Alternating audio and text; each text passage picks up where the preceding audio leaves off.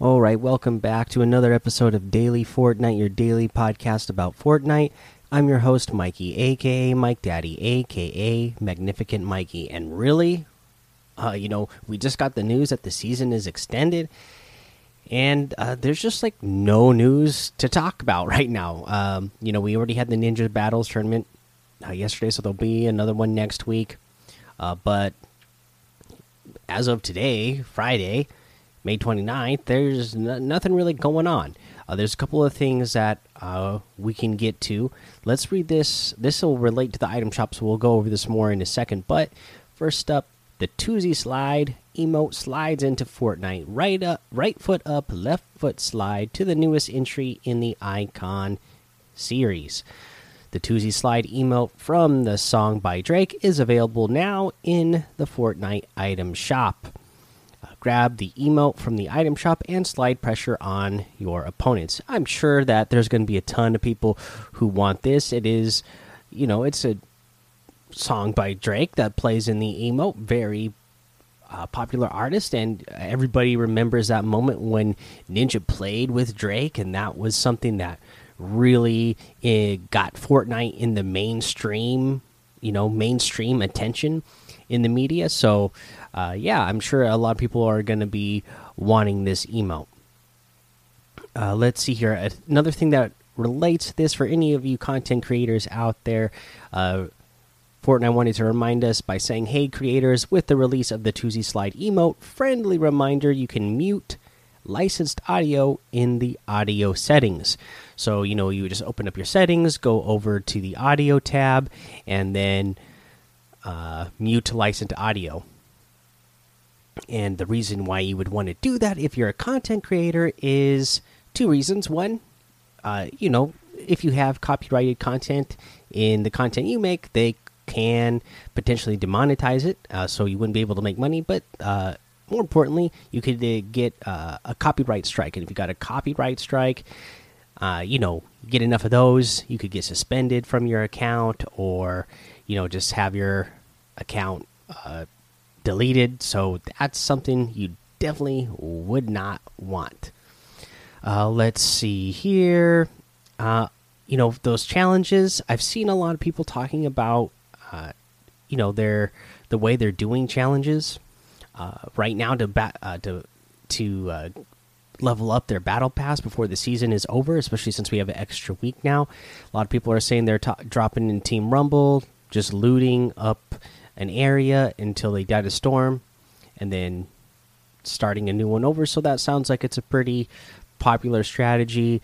Uh, I I noticed there's a couple different places that people mentioned, like uh, Sweaty Sands. There was another one that somebody else mentioned earlier. I don't remember now, uh, but you know, just pick your pick your place um, to to drop and uh, you know just make sure you loot as much as you can. I myself, I've been finding that uh, you know there's there's a really a ton of chests in every named POI. Uh, you know, like I've been uh, dropping at uh, the rig to get some of my challenges done that I haven't done yet, and then also uh, retail row. And there's actually a lot of chests in both of those areas, so I'm just running through doing my challenges uh, the overtime challenges, opening up chests, and then uh, you know once I got them all open, I you know I'm just playing solo mode actually. So then once I got all those chests open, I go ahead.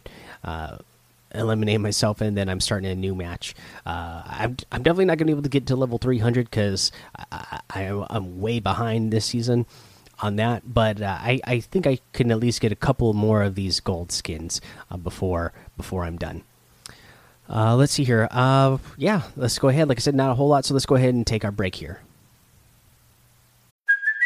Hey, it's Kaley Cuoco for Priceline. Ready to go to your happy place for a happy price? Well, why didn't you say so? Just download the Priceline app right now and save up to 60% on hotels.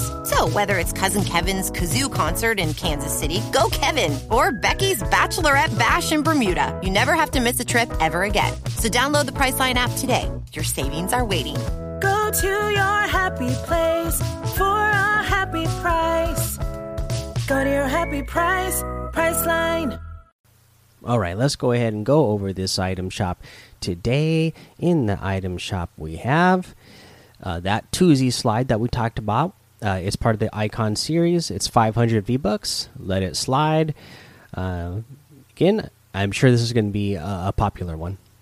Uh, let's see here. What else do we have? We have the Raptor outfit with the Raptor satchel back bling for 2,000 V bucks. The Velocity outfit with the Bomber bag back bling for 2,000 V bucks. The Assault Bomber glider for 1,200.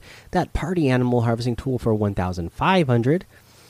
Uh, really like that uh, harvesting tool as well. We have the Jellie outfit with the Shelly back bling for 1,200. Uh, we have the Scampy harvesting tool for 800. We have the Ragsy outfit with the Heartless Backbling for 1,500. The Saxy Groove music for 200. We have the Spring Loaded emote for 500. The Ground Pound emote for 200.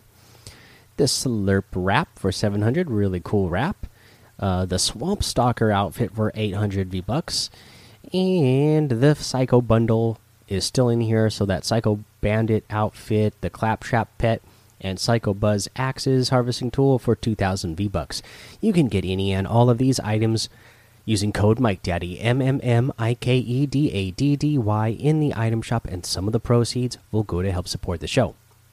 Okay, so uh, you know what? There was actually another uh, little thing that I wanted to talk about. Uh, in the beginning of the episode that I just remembered, of course, like right after I uh, took the break. And this was, I saw somebody post a little video, and uh, this is something I noticed this morning as I was grinding my challenges. About, you know, because I was landing at Retail Row, the Rig, and the Shark doing challenges at those three locations.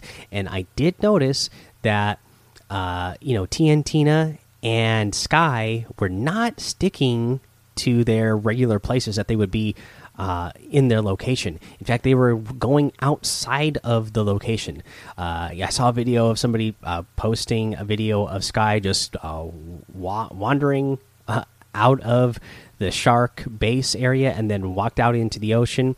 I have uh, seen Sky walking way farther out into the island I've ever seen her walking before.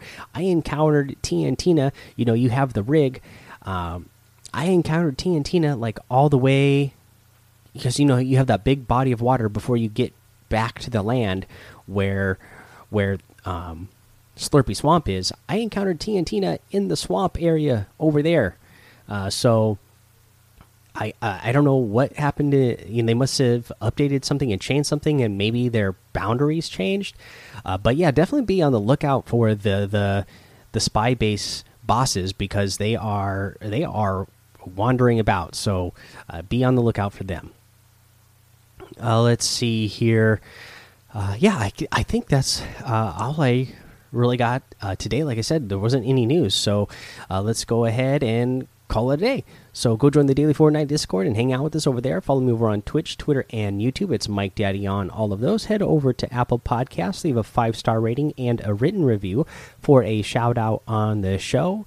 Make sure you subscribe so you don't miss an episode. And until next time, have fun, be safe, and don't get lost in the storm.